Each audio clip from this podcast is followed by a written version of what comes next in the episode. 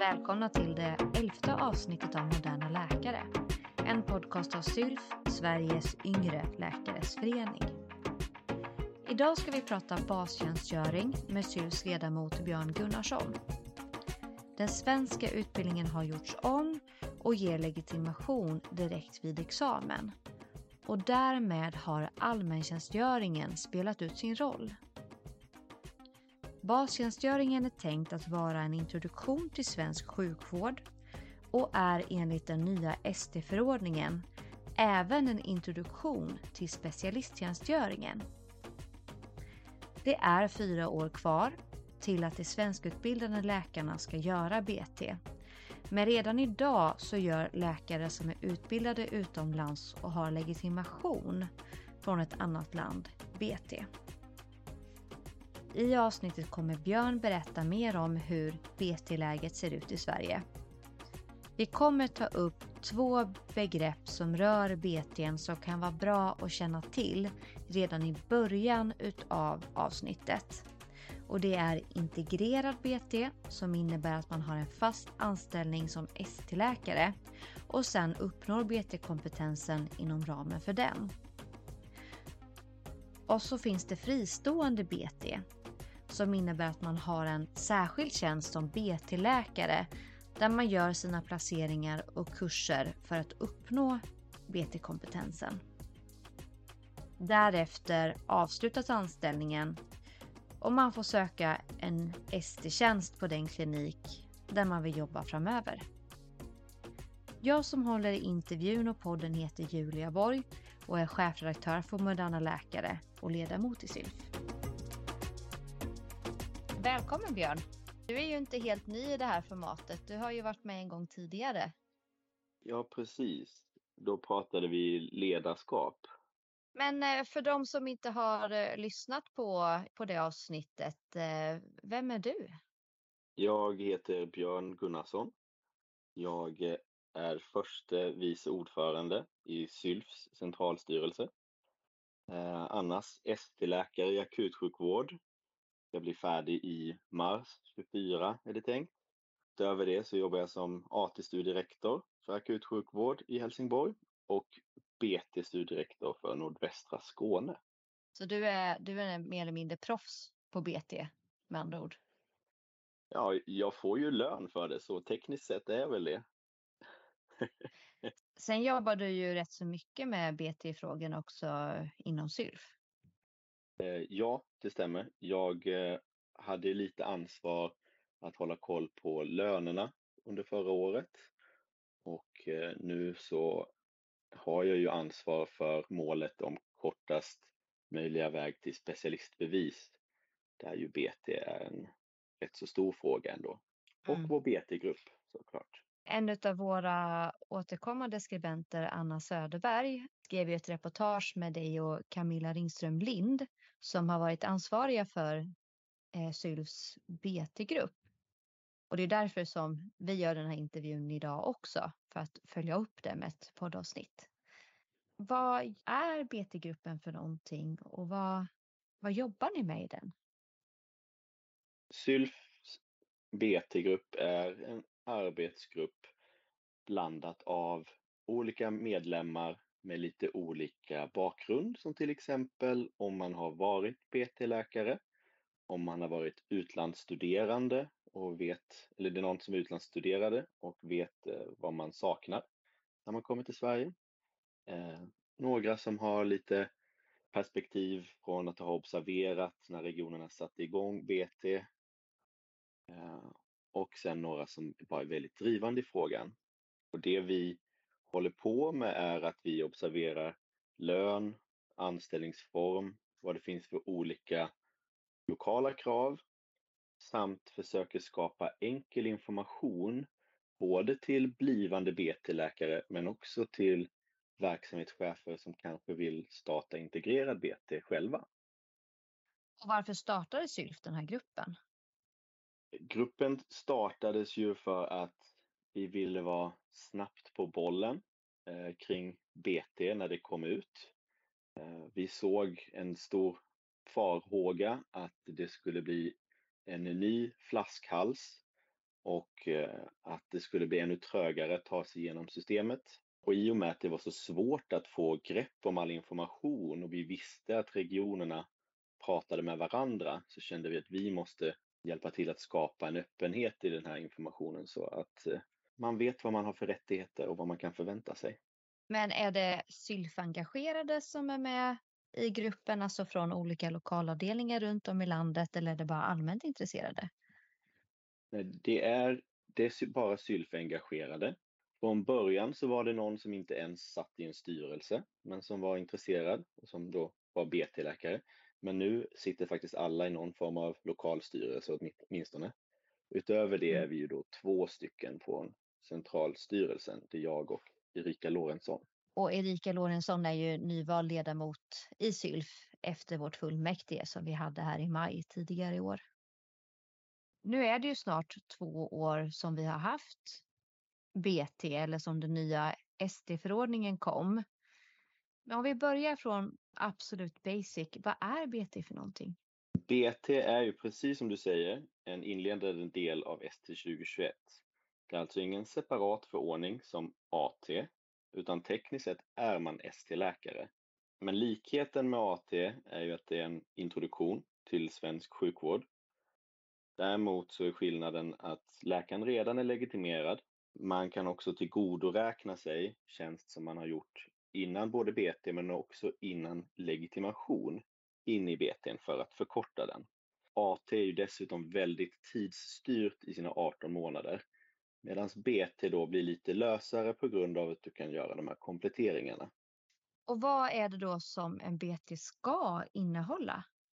Ja, BT har ett antal mål som ofta uppfylls med kurser eller klinisk tjänst.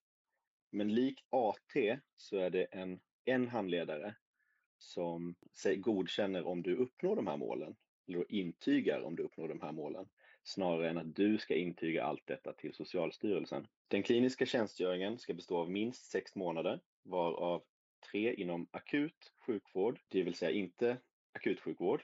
Löst tolkas det som akut slutenvård, samt tre månader primärvård. Men normtiden säger man fortfarande är 12 månader. Kommer den att vara lika för alla, som ATIN är till exempel? Nej, som sagt, det, det finns då krav på akut sjukvård och primärvård. Så alla måste göra någon form av primärvård. Men utöver det så kan man liksom ställa om rätt mycket efter vad läkaren skulle vilja bli på sikt eller om det är någonstans man har en lucka egentligen. Den här flexibiliteten är ju dock väldigt svår, framförallt ju större kullarna blir så kan man förstå att det kan vara svårt att anpassa men det möjliggör ju verkligen att få in fler i systemet. Vi behöver inte vara på just kirurgen och internmedicin utan vi kan vara på andra vårdavdelningar eller akutmottagningar eh, och på så sätt få in fler i systemet. Vilka är det som ska göra BT? Alla som eh, får legitimation i ett annat land måste göra BT om de inte redan är specialister inom EU. Då slipper man. Och, och vad händer då, då om man är specialist från ett annat EU-land? Då kan man ju tekniskt sett arbeta som specialist i Sverige också. Men snart så kommer ju den svenska utbildningen att göras om. Den blir sexårig istället för fem och ett halvt år som den är nu.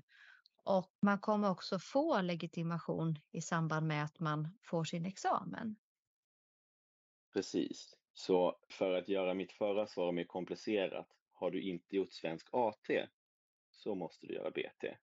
Det vill säga kullen som kommer 2027 ifrån Sverige måste göra BT. Och det innebär väl då att ATin kommer fasas ut successivt? Ja, precis. Det kommer ju bli en svans i och med att vi idag inte har tillräckligt med AT-platser till alla som behöver göra det. Så att det kommer ju fortfarande ta rätt många år innan man är klar med AT. Men successivt så kommer ju väl förmodligen de platserna att minska medan BT-platserna ökar upp. Vet vi någonting om eh, vad som kommer gälla för dem som exempelvis har läst eh, i Polen där man inte får legitimation med en gång efter examen utan tidigare har man gjort AT här i Sverige. Vet man om det kommer vara några övergångsregler eller så för dem?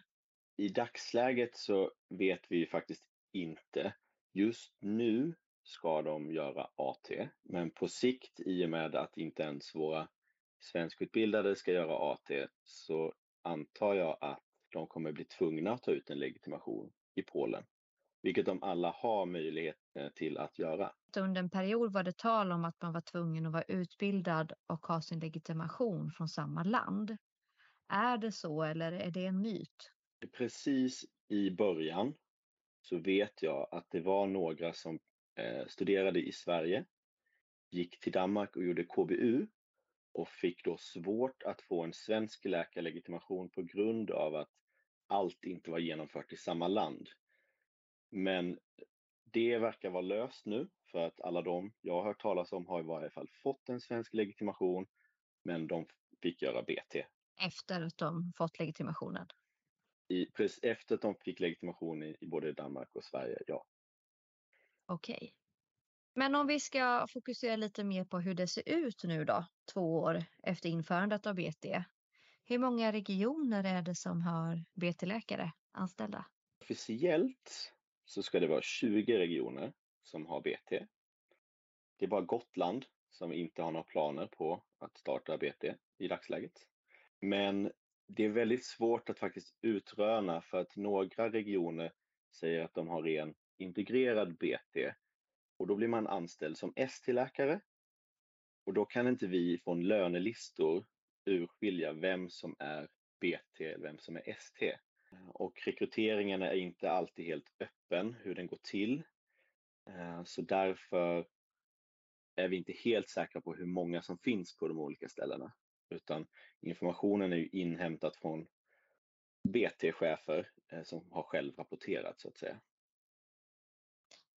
Vet vi någonting om hur söktrycket ser ut på tjänsterna? Sen tidigare vet vi att söktrycket på AT-tjänsterna är jättehögt, men hur ser det ut på BT-sidan?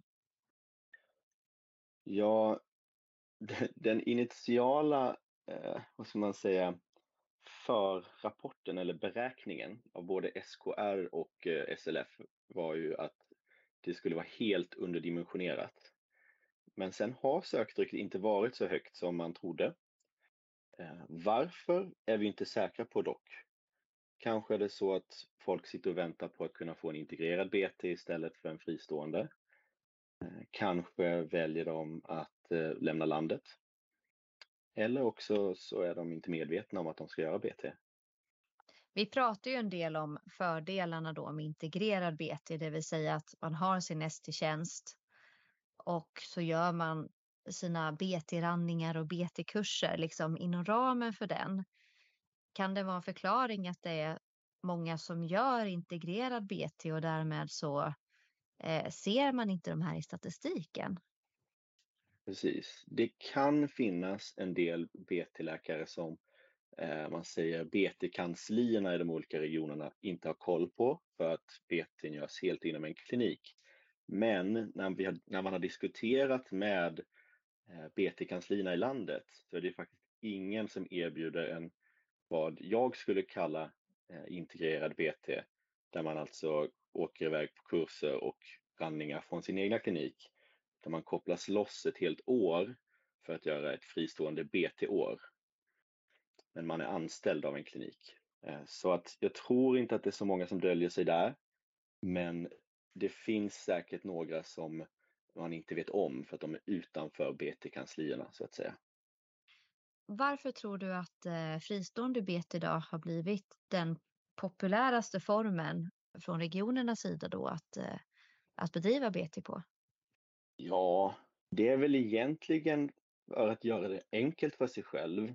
Många har gjort en copy-paste på AT fast kortare. Man kan då använda samma kansli som jag gör för AT som ju då har erfarenhet av utbildningsläkare och bara tänka om lite i konceptet. Det här som man diskuterade eh, väldigt länge, både inom SKR och förbundet faktiskt, innan man kom på att integrerad BT borde faktiskt vara en grej. Så att det är nog för att startgroparna hela tiden varit i en tankefälla att det är nya AT.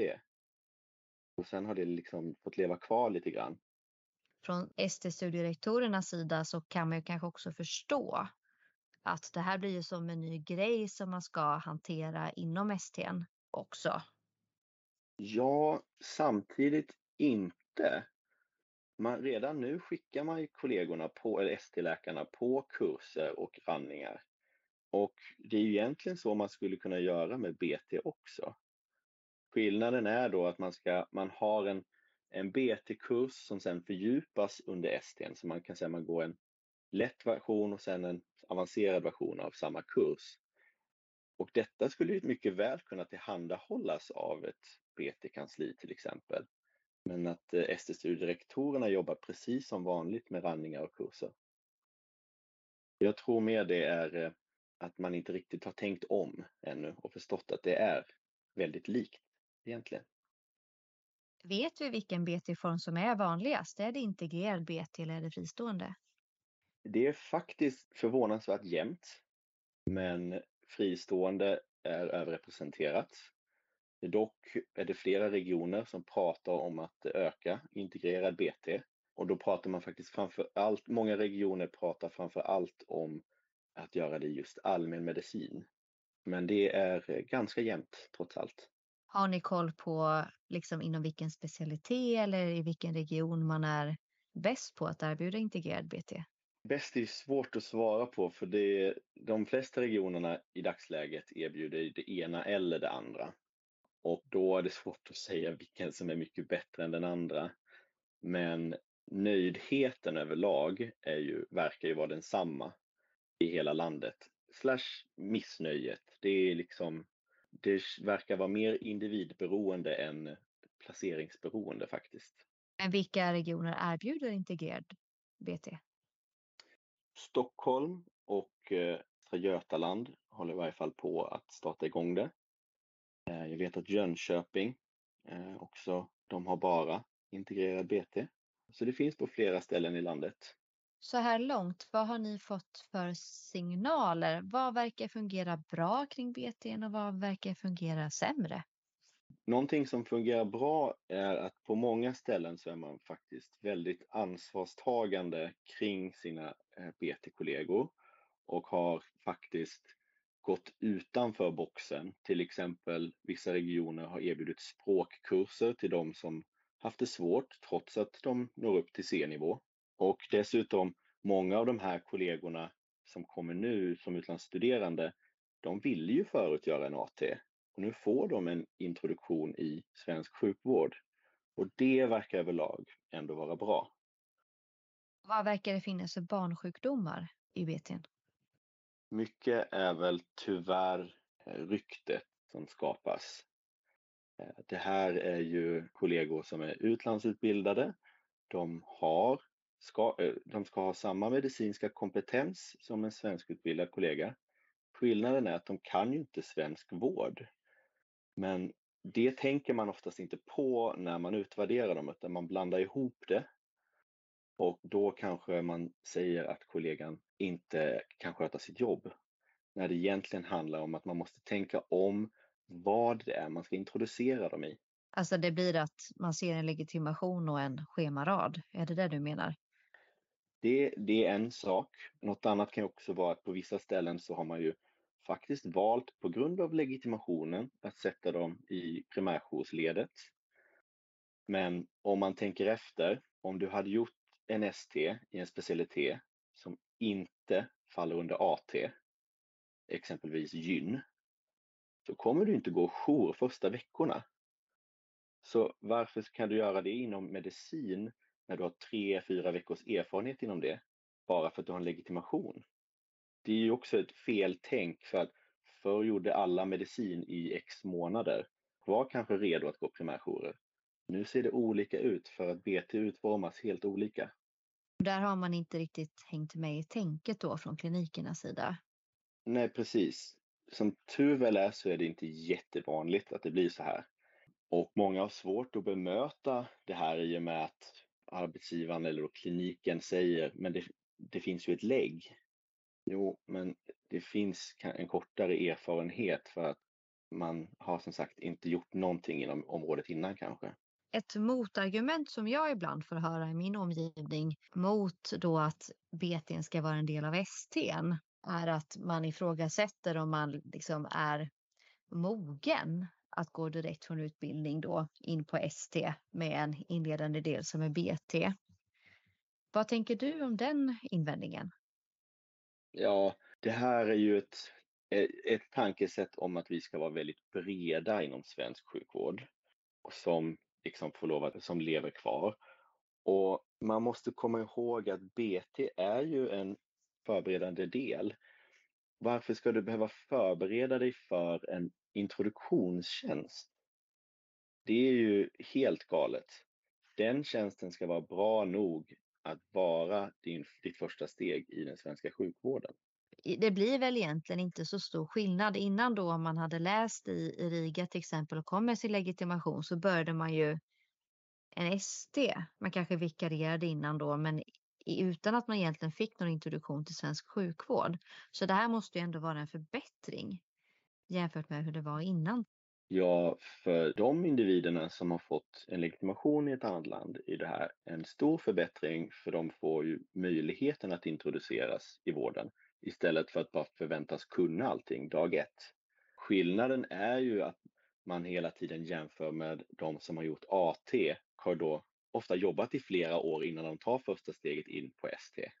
Men om du ska bli radiolog, spelar det då roll att du har gått tre år och harvat på klinik när du ändå inte kommer göra någonting med det sen? Det är ju ett nytänk som hela kollegiet måste anpassa sig till. Från fackligt håll så har det funnits en oro för att eh, nya BT-läkare eller ST-läkare som gör BT inte skulle få en lön som motsvarar ansvaret och legitimationen och att det skulle vara en ursäkt för att eller dra ner löneläget för ST-läkarna. Hur har det blivit? Ja, överlag så tror jag att arbetsgivaren skulle säga att det inte sker en lönedumpning, men de jämför ju hela tiden AT och BT. Om vi tittar på de som gör då BT jämfört med vikarierande legitimerade läkare så ligger ju ofta de som gör BT lägre. Många får till och med gå ifrån sitt vikariat till BT och tappa i lön bara för att man har bestämt att lönen ska vara lägre. Vi har inte heller tydligt sett att de som genomför en fristående BT och går in på en ST får en högre lön än de som då börjar sin ST direkt. Det vill säga, och då får de ju färre lönerevisioner och det kommer bli en lönedumpning. Så att eh, ja, det verkar som att fristående BT sänker lönerna. Däremot kan vi inte tydligt se samma när vi tittar på de integrerade. Och det är för att vi har svårt att särskilja vilka som gör integrerade jämfört med ST. Och det talar för att de ligger på samma löneläge, ungefär åtminstone. Så rent strukturellt utifrån löneperspektivet så är det fördelaktigt för oss som läkare att gå in på en integrerad BT? Allting, allting talar för det i dagsläget. För att du får ingen bättre förhandling när du går in som då år två på din ST efter en fristående BT. Ibland så kan jag höra missnöje från AT-läkarna, framförallt de som är lite senare in i sin AT, att eh, man kan känna lite missnöje över att de nya BT-läkarna går in på en högre lön än vad de själva har. En viktig skillnad här är att läkarna som gör BT har en legitimation och då följer en hel del juridiska krav. De kan inte skyddas på samma sätt som en AT-läkare kan, även om BT-läkaren också är under, ut, i början av sin utbildning av sin kliniska tjänst. Liksom. Så det är viktigt att vi verkligen värderar just legitimationen ordentligt. Och därför måste de ha en högre lön. AT-läkaren bär inte det ansvaret även om de utför jobbet. Sen ska man också komma ihåg att varenda gång en kollega går in med en högre lön så kommer det att gynna dig i framtida lönerevisioner. Jag tar det här som ett exempel nu och förklarar just då AT-läkaren ska snart bli ST-läkare. BT-läkaren är tekniskt sett en ST-läkare. Om BT-läkarna får låga löner så kommer inte AT-läkarna kunna söka en ST-tjänst mycket högre löner. Det vill säga pressa upp BT-lönen så pressas också ST-lönen upp när AT-läkarna, nuvarande AT-läkarna väl kommer dit. Sen kanske man också kan vända på det att det också är AT-läkarna som är undervärderade i förhållande till vad de presterar. Så är det nog i stort. Eh, de har ju ofta vikarierat väldigt länge. De har haft en väldigt lång klinisk tjänstgöring under utbildningen och kan ju göra mycket saker. Eh, hade man från dag ett på, efter examen kunnat gå rakt in på en AT så hade eh, det kanske varit en annan sak. Men idag har man ju ofta månader eller år av erfarenhet när man påbörjar sin AT. Och då får man ändå säga att vi undervärderar dem. Vet vi någonting hur det kommer bli för de läkare som har gjort en ST 2007 eller ST 2015? Om man sen skulle vilja byta specialitet, kommer man då behöva göra BT då? Nej, du är ju redan introducerad i svensk sjukvård, så du slipper det. Björn, du som ändå har jobbat mycket med, med BT och du är studierektor, har du några tips till de som kommer söka en antingen integrerad ST-BT-tjänst eller fristående BT-tjänst framöver? Det bästa tipset egentligen, det är väl att titta igenom vad du har för vikariat. Som det är idag så tyvärr finns det inte platser så att alla får en BT direkt efter sin examen, utan man kommer få vikariera. Se då till att du får en tjänst där du får göra läkaruppgifter.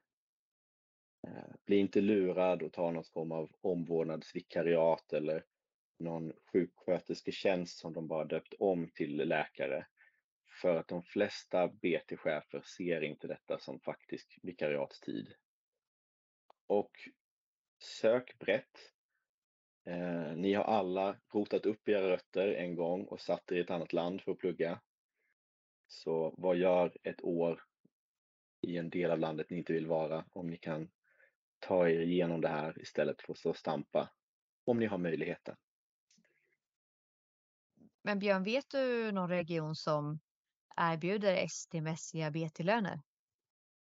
Enligt det vi har fått inrapporterat i varje fall så ska Västerbotten erbjuda samma eh, lön till BT som för ST. Så sent som förra året. Har du något mer tips? Eh, jo, det har jag. Lägg tid på ditt CV och ditt personliga brev. Läs gärna vår artikel som vi skrev förra året i Moderna Läkare. Det är tyvärr många CVn som, eh, och personliga brev som eh, är överkomplicerade och det är risk att det blir en, en fälla. Var, eh, var lagom informativ. Det räcker med att googla eh, skriv ett bra CV eh, och moderna läkare så kommer artikeln upp. Kanon. Björn, tusen tack för att du gästade Moderna Läkare och berättade mer om var vi står idag BT-mässigt två år efter införandet. Ja, men tack för att jag fick komma och eh, berätta lite om BT och mina synpunkter på det. Och eh, är det några frågor så får man ju alltid höra av sig till BT-gruppen så kan vi ta upp det. Och så kan man ju kontakta sin lokala sylfavdelning också om man vill ha lite mer lokal vägledning. Såklart. Den är oftast betydligt bättre på lokal nivå. Tusen tack. Tack så mycket. Hej hej.